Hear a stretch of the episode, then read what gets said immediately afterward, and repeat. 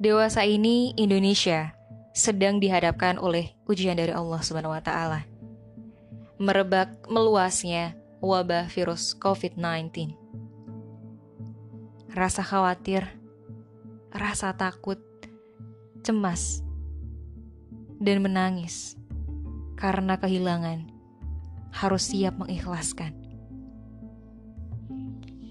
Angka yang berjatuhan terus bertambah. Dan ini menjadi sinyal bukan hanya urusan pemerintah. Tapi ini bisa menjadi bukti bahwa semua elemen masyarakat bisa belajar menyatukan langkah. Kawanku, pahlawanku, mari merapat bersama. Maksimalkan ikhtiar di bumi dan disempurnakan dengan ikhtiar langit. Semoga Allah membalas kebaikanmu, pahlawanku. Dan semoga Allah lindungi kita semua dalam jalan yang lurus.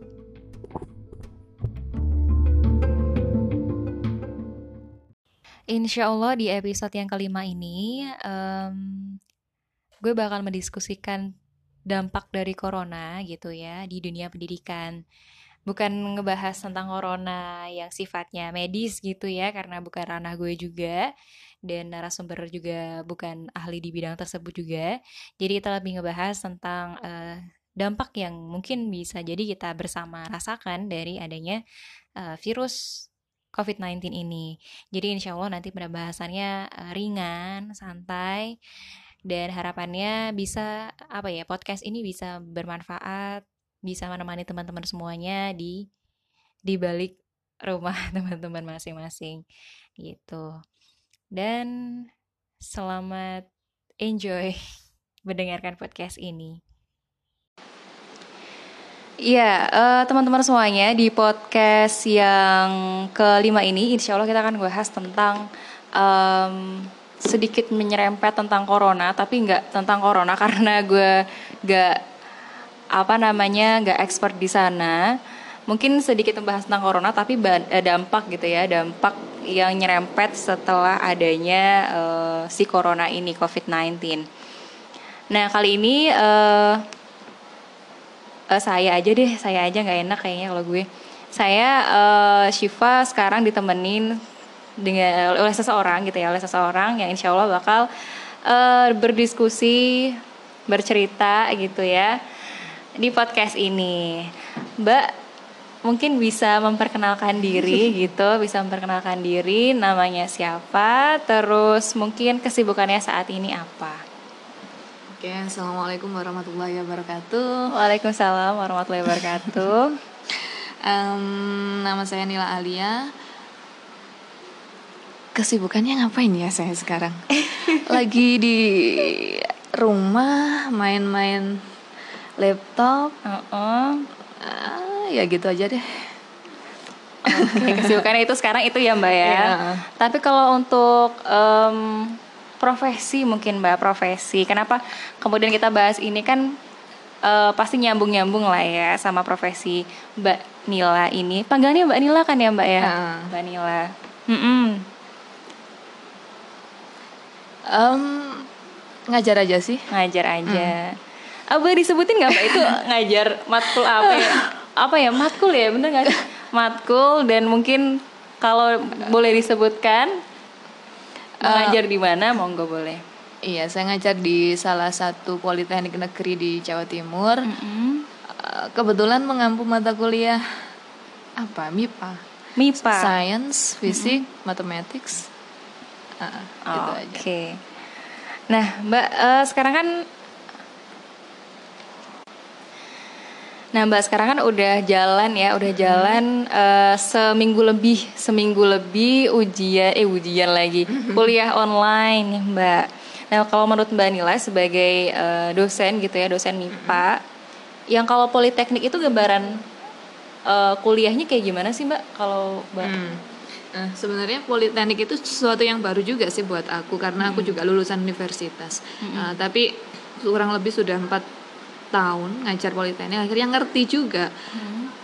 ternyata penting skill itu jadi kalau di politeknik kita 60% praktek, 40 persennya teori. Jadi apa pun mata kuliahnya selalu dihubungkan dengan di mana kita berada. Misalnya kita di teknik informatika gitu. Terus matematikanya teknik informatika gimana sih gitu. Terus matematikanya teknik mesin kayak gimana sih kita harus bedakan dan kita harus mengaplikasikan ke situ. Jadi mereka punya gambaran gitu loh. Kalau mau keluar dari sini saya mau ngapain? Matematika ini buat apa gitu. Oke. Jadi em, kayaknya beda ya sama yang di universitas. Oh gitu. Lebih aplikatif kali ya Mbak ya. Mm-mm, betul. Lebih terapan lah ya. Mm-mm. Heeh, heeh. Eh berarti kalau politeknik itu paling paling eh, apa stratanya yang paling tinggi itu D4 apa D4. S D4. D4. Oke. mm, mm.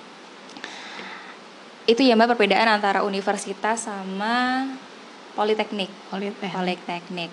Oke. Eh, kalau untuk saat ini sampai eh, satu minggu lebih gitu Mbak pelaksanaan perkuliahan online, gimana sih Mbak eh, hal menarik gitu, hal menarik yang Mbak Nila temuin ketika ngajar nih? Kan mungkin kayaknya belum belum pernah ya Mbak eh, mendapatkan perkuliahan online atau atau sebelumnya ketika menjadi mahasiswa udah pernah Mbak? Hmm. Ada sih waktu mahasiswa kuliah online, cuman ya gitu, onlinenya bukan apa ya, bukan dosen nerangin lewat online bukan, tapi kita dikasih beberapa pertanyaan yang kita harus menyelesaikan. Padahal untuk menyelesaikan itu lebih jam mata kuliah kita. Misalnya kita ada tiga jam gitu, kita nyelesainya perlu seharian gitu loh. Oke. Makanya sebenarnya eh, enak nggak enak juga sih kalau mata kuliah apalagi MIPA ya eh, kita online karena apalagi matematik fisika itu kalau nggak dijelasin secara langsung memang susah. Tapi ya mau nggak mau kita harus mencoba. Nah, selama seminggu ini eh, sebenarnya pengen sih buat konten-konten kayak YouTube yang menerangkan bener-bener aplikatif ke apa jurusan kita apa jurusan yang kita ampu. Tapi untuk buat itu sendiri tentu perlu waktu yang nggak sedikit. Jadi untuk satu minggu ini masih diwakili dengan beberapa materi powerpoint sama materi eh, soal-soal gitu aja sih. Tapi untuk ke depan insya Allah pengennya buat apa kayak sejenis YouTube yang isinya tentang materi-materi itu MIPA. Barangkali nanti ada software-software baru yang bisa diaplikasikan di situ kayak MATLAB gitu ya mas Oh ada narasumber baru berarti iya, Mbak ini Mbak. satu. ada satu ini Mas mau perkenalkan diri nggak? Wes kasep iki.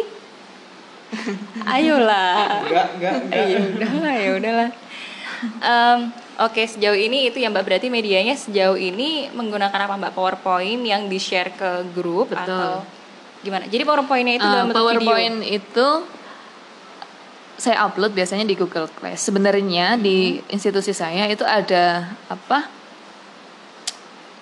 namanya Eh, LMS ya LMS yang itu semua bisa untuk untuk mengupload semua apa kebutuhan kita untuk Hmm. perkuliahan online. Cuman kemarin kebetulan saya belum buat sih. Jadi ya lebih efektif ke itu aja Google Classroom. Akhirnya saya upload di sana, kita diskusi di sana, kita ada soal di sana. Nah, yang tidak tahu kita bahas di sana. Berarti itu live ya Mbak di situ. Ah, Atau nggak live saya. Saya nggak live, saya upload. Misalnya eh, saya kasih tugas hari ini, ya dengan estimasi tiga jam mata kuliah harus bisa menyelesaikan berapa soal gitu. Hmm.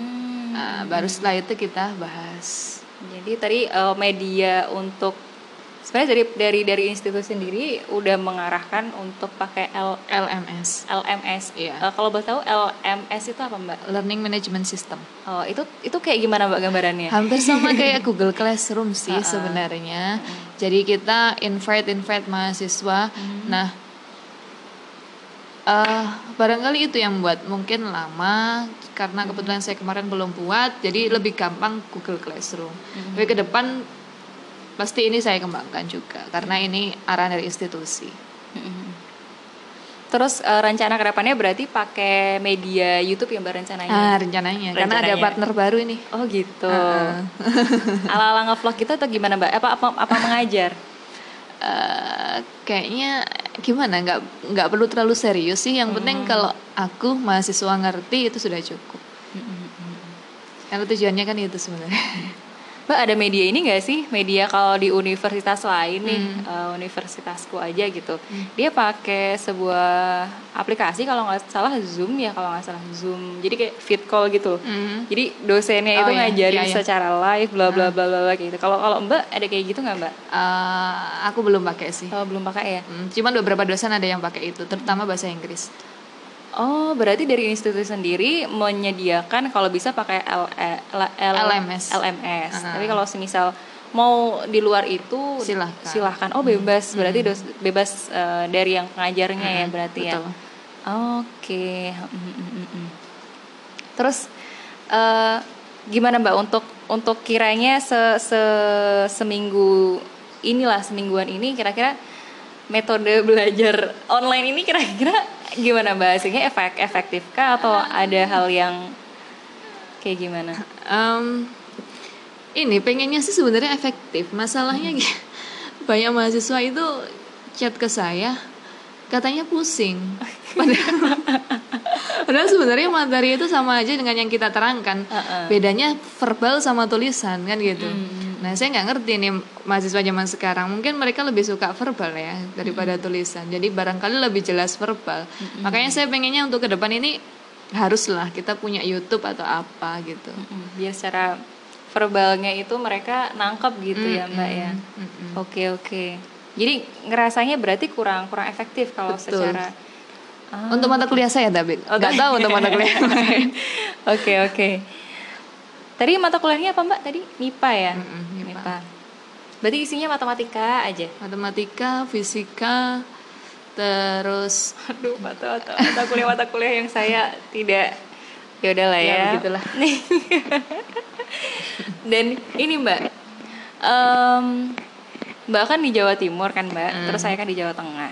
Nah kemarin itu ada ada video yang viral tuh Hmm. dari eh, Pak Ginanjar, Hmm. Gubernur Jawa Tengah kan, Eh, yang katanya ini sebenarnya nggak tahu sih ini diperuntukkan untuk guru SD, SMP, SMA atau Hmm. untuk eh, dosen juga pengajar dosen kah?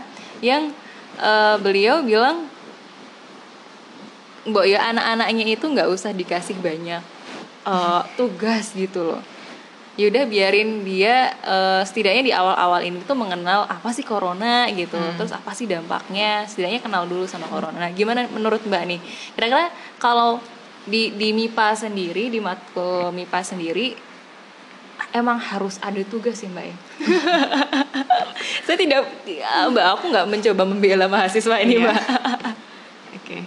Eh, gimana tuh Mbak? Em, gini, kebetulan saat ini kan juga mahasiswa aku. Mm, Jadi ngerti banget lah untuk tiga jam mata kuliah harus ngerjakan berapa soal seharusnya, kan gitu. Jadi s- kalau aku pribadi sih setuju setuju banget sama pak katanya Pak Ganjar kalau kita menyesuaikan jam mata kuliah sama apa banyaknya tugas-tugas yang harus kita berikan. Cuman masalahnya gini, mereka barangkali mengeluh eh, mengeluh susah, mengeluh lama atau gimana karena belum memahami aja sih. Nggak semua kok harus kita kasih soal. Soal itu hanya aplikasi atau penerapan dari apa yang kita pelajari sebenarnya gitu. Kita share apa namanya materi gitu ya. Terus kita kasih satu dua soal. Misalnya mereka nggak bisa, berarti kan mereka belum sepenuhnya memahami gitu. Sebenarnya nggak banyak juga. Barangkali mereka nggak paham aja yang di apa materinya sehingga lama lah gitu. Oke, tadi kan Mbak bilang kalau semisal eh, Mbak pakai Google untuk saat ini pakai Google Classroom. Hmm. Nah, itu tolak ukur eh, pembelajarannya itu efektif dan diterima sama mahasiswa tuh kayak gimana sih Mbak? Oke, tolak ukurnya gini. Kalau aku eh dari hasil yang mereka kumpulkan eh, lebih dari 50% mereka menguasai. Artinya lebih dari 50% mahasiswa menguasai. Terus yang kedua, em, pertanyaan yang mereka sampaikan di Google Classroom itu eh, sesuai dengan materi kita. Artinya benar-benar fokus sama materi itu terus kita jelaskan kemudian mereka mencoba soal misal ya terus mereka bisa mengaplikasikan itu sudah cukup bagi saya Oh, oke. karena uh, soal itu sebenarnya nggak perlu banyak banget. Betul matematika fisika itu betul. Kita harus latihan agar kita bisa betul. Tapi kan gini kita di di sini kan aplikatif. Bukan mengerjakan dua tambah dua tiga tambah tiga bukan. Tetapi dua ketika diaplikasikan ke misalnya mesin gerindra gerinda itu gimana gitu? Harus diapakan? Kayak gitu loh. Jadi um, gitu deh Oke. Nah sebenarnya tuh kalau, nah ini ini udah ya mbak, ini ngebahas tentang perkuliahan eh, online kayaknya udah kali ya. Tapi kemarin ada ini nggak sih mbak? Eh tapi sebentar bentar. Tapi kemarin ada pernyataan atau eh, kemarin kan ada banyak meme-meme yang bersebaran tuh di di media sosial mahasiswa-mahasiswa yang lucu. Ada ada ada aja gitu pola-pola mahasiswa eh, ketika kuliah online berlangsung misalkan bu izin ke toilet ya bu izin makan dulu ya kayak gitu gitu ada nggak sih mbak kemarin pas di perkuliahan online? Nggak ya karena oh, nggak- karena nggak live. nggak live oh, Oh, oke. jadi, jadi nggak nggak ada kayak gitu. Nggak ada hal-hal yang lucu konyol kayak gitu ya berarti ya? Oke, terus, nah ini Mbak, Eh mungkin kita pindah topik ke bukan perihal mengajar eh, online kali ya, tapi topik yang lebih umum, Hmm. proses eh, belajar mengajar yang umum. Sebenarnya tuh kalau eh, Syifa memposisikan sebagai seorang mahasiswa gitu ya, Hmm. Siva tuh kayak ngerasa ya udah kali gue mahasiswa gitu gue, gue dateng gitu masuk kelas perhatiin gue tahu gue udah udah absen nih terus ya udah gue pulang kayak gitu. Nah sebenarnya tuh kalau di di sisi di sisi dosen sendiri tuh apa sih sebenarnya yang diharapkan dosen terhadap mahasiswa sendiri kayak gitu? Hmm. apakah apakah eh, ya ya banyak ya mbak dosen dosen kan latar belakangnya kan banyak. Ada yang memang eh, akademis banget gitu ada yang memang eh, profesional yang beliau beliau ini tuh praktisi di bidang tertentu lah. Misalkan kalau kalau Syifa tuh ada yang praktisi di SDM di marketing kayak gitu. Nah kalau di menurut mbak sendiri gitu sebenarnya apa sih sebenarnya yang di sebenarnya Siva sebagai seorang mahasiswa juga kepo sebenarnya apa sih yang diharapkan sama dosen ke kita tuh? Kayak apakah apakah nilai yang bagus aja itu itu cukup untuk eh, memenuhi ekspektasi dosen atau seperti apa? Hmm. gitu. Eh, apa? Sebenarnya kalau ngomong tentang apa yang diinginkan dosen tentu tujuannya mesti mahasiswa itu harus lulus. Oke. Anda kuliah kan mesti pengennya harus lulus kan gitu. Jadi tujuan anda kuliah harus lulus intinya itu. Nah untuk lulus itu gimana? Ya untuk lulus itu harus menguasai apa yang uh, dilakukan selama kuliah kan gitu. Oke. jadi uh, sama sih sebenarnya waktu kuliah saya dulu saya juga gitu datang dengarkan saya ngerjakan kalau ada tugas yang penting saya mengumpulkan dan itu bener gitu aja. Nggak ngerti nanti ke depannya buat apa tuh nggak ngerti. Baru setelah apa lulus kerja akhirnya tahu oh dulu kuliah ini tuh buat ini gitu. Nah, jadi makanya setiap kali saya awal perkuliahan saya selalu bilang ke mereka gini tujuan kamu ke sini tuh apa? Gitu. Terus kedua kalau kamu nggak nggak serak dengan di sini ya sudah mending sekalian pergi aja cari yang menurutmu tepat gitu. Oke. agar kamu nggak menyesal kemudian. Terus yang ketiga arahkan tujuanmu setelah lulus ini. Jadi kamu nanti dapat kuliah ini nggak sia-sia. Karena kan gini apakah salah orang misalnya kuliah di teknik gitu ya? Teknik elektro teknik mesin atau teknik listrik gitu. Terus mereka keluar jadi pegawai bank. Apakah sa- nggak apakah salah? Kan enggak juga. Kan enggak juga kan? Kita nggak boleh bilang itu salah nggak sesuai jurusan enggak juga. Tapi gini harapannya orang tua harapannya kita juga kita kuliah di situ keluar harus profesional gitu loh sesuai dengan apa yang kita kerjakan di situ. Mm-mm. Nah, makanya kita harus punya tujuan dulu. Nah kalau kita sudah punya tujuan pasti nanti kuliah itu ngerti misalnya mata kuliah ini nanti untuk apa sih aplikasinya? Banyak mahasiswa sekarang ketika dapat eh, mata kuliah ditanya ada pertanyaan? Mereka nggak nanya. Sedangkan ditanya ganti sama dosennya ini aplikasinya di mana sih? Mereka nggak bisa jawab. Oh, Oke. kan gitu. Padahal tujuannya kita mengajar itu, tujuannya kita mempelajari materi itu kan aplikasinya nanti ketika anda keluar, ketika anda apa di lingkungan harus dimanfaatkan seperti itu. Hmm. Jadi kalau Mbak sendiri gimana sih si isi ilmu yang Mbak sampaikan ini tuh mereka ngerti sampai ke aplikasi-aplikasinya nanti di se- setelah kuliah tuh seperti apa? Betul. Kayak gitu. Oke. Kemarin kemarin aku memposisikan kayak gitu nggak ya? Astagfirullahaladzim. Dan Mbak waktu Mbak jadi mahasiswa dan dosen pola pikirnya juga berbeda gitu nggak sih? Dulu waktu mahasiswa ya udah Iya kali. banget lah. Karena dulu waktu S1 tuh gak ada gambaran pengen jadi dosen. Mm-mm. Terus kuliah S2 ada gambaran jadi dosen. Baru kepikir waktu ngajar itu, oh ternyata mata kuliah ini buat ini ya. Oh ini ya. Oh gitu ya udah. Aduh. Oke, jadi gambarannya kayak gitu guys. Jadi kalau semisal kalian diajar tuh ya eh, nasihatnya kayak gitu ya Mbak ya. Coba dipikirin lagi kenapa sih ilmu ini penting untuk kita pelajarin gitu. Mbak kalau semisal Hmm? ada mahasiswa yang bilang ini dia nggak suka nggak suka sama satu mata kuliah. Hmm? dan dia nganggap ah ngapain gue pelajarin uh, mata kuliah ini? Kayaknya juga nggak penting-penting banget nih buat buat kehidupan gue bad- uh, setelah setelah gue pasca kuliah gitu. Nah menurut mbak kayak gimana tuh? Ada ada ada mahasiswa yang kayak gitu? Sebenarnya tuh dia nggak suka dosennya gitu. Bukan bukan berarti dia nggak suka dosennya tapi kayak apa sih nih mata kuliahnya? Kayaknya nggak penting-penting amat nah kayak gitu kayak gimana mbak Gimana ya? Nah itu yang susah sebenarnya. Karena untuk suka atau tidak suka kan uh, awalnya dari kita dulu. Entah dia nggak suka mata kuliahnya atau nggak suka dosennya. Kalau nggak suka dosennya kan kita bisa menjalin hati lah intinya gitu. Kalau apa? Kalau dari orangnya sendiri dia sudah ngerasa nggak suka gitu, nggak tahu apa yang melatar belakangi. Entah dia merasa itu nggak penting loh. Kok tahu nggak penting dari mana dia kan gitu. Misalnya kita belajar gini, kita belajar uh, di mana di teknik gitu ya. Terus kenapa ada mata kuliah kewarganegaraan? Barangkali sebagian mahasiswa mikir, loh saya kan di teknik ngapain ada kewarganegaraan kan gitu.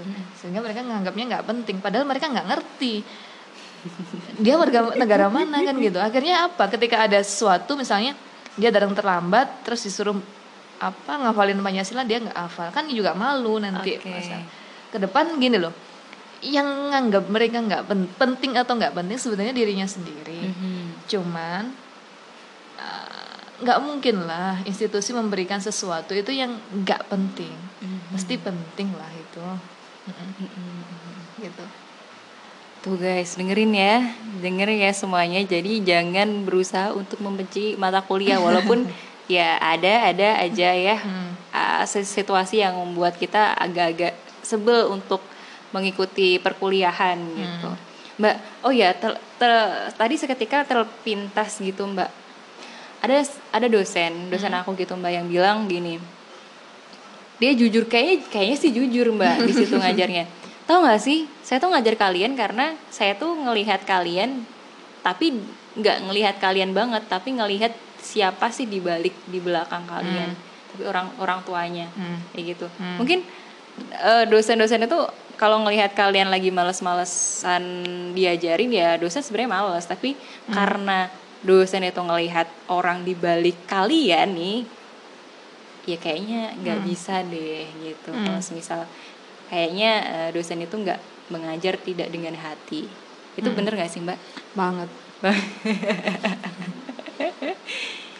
Jadi em, itulah gunanya pendidik ya. Jadi pendidik sama pengajar itu sebenarnya beda.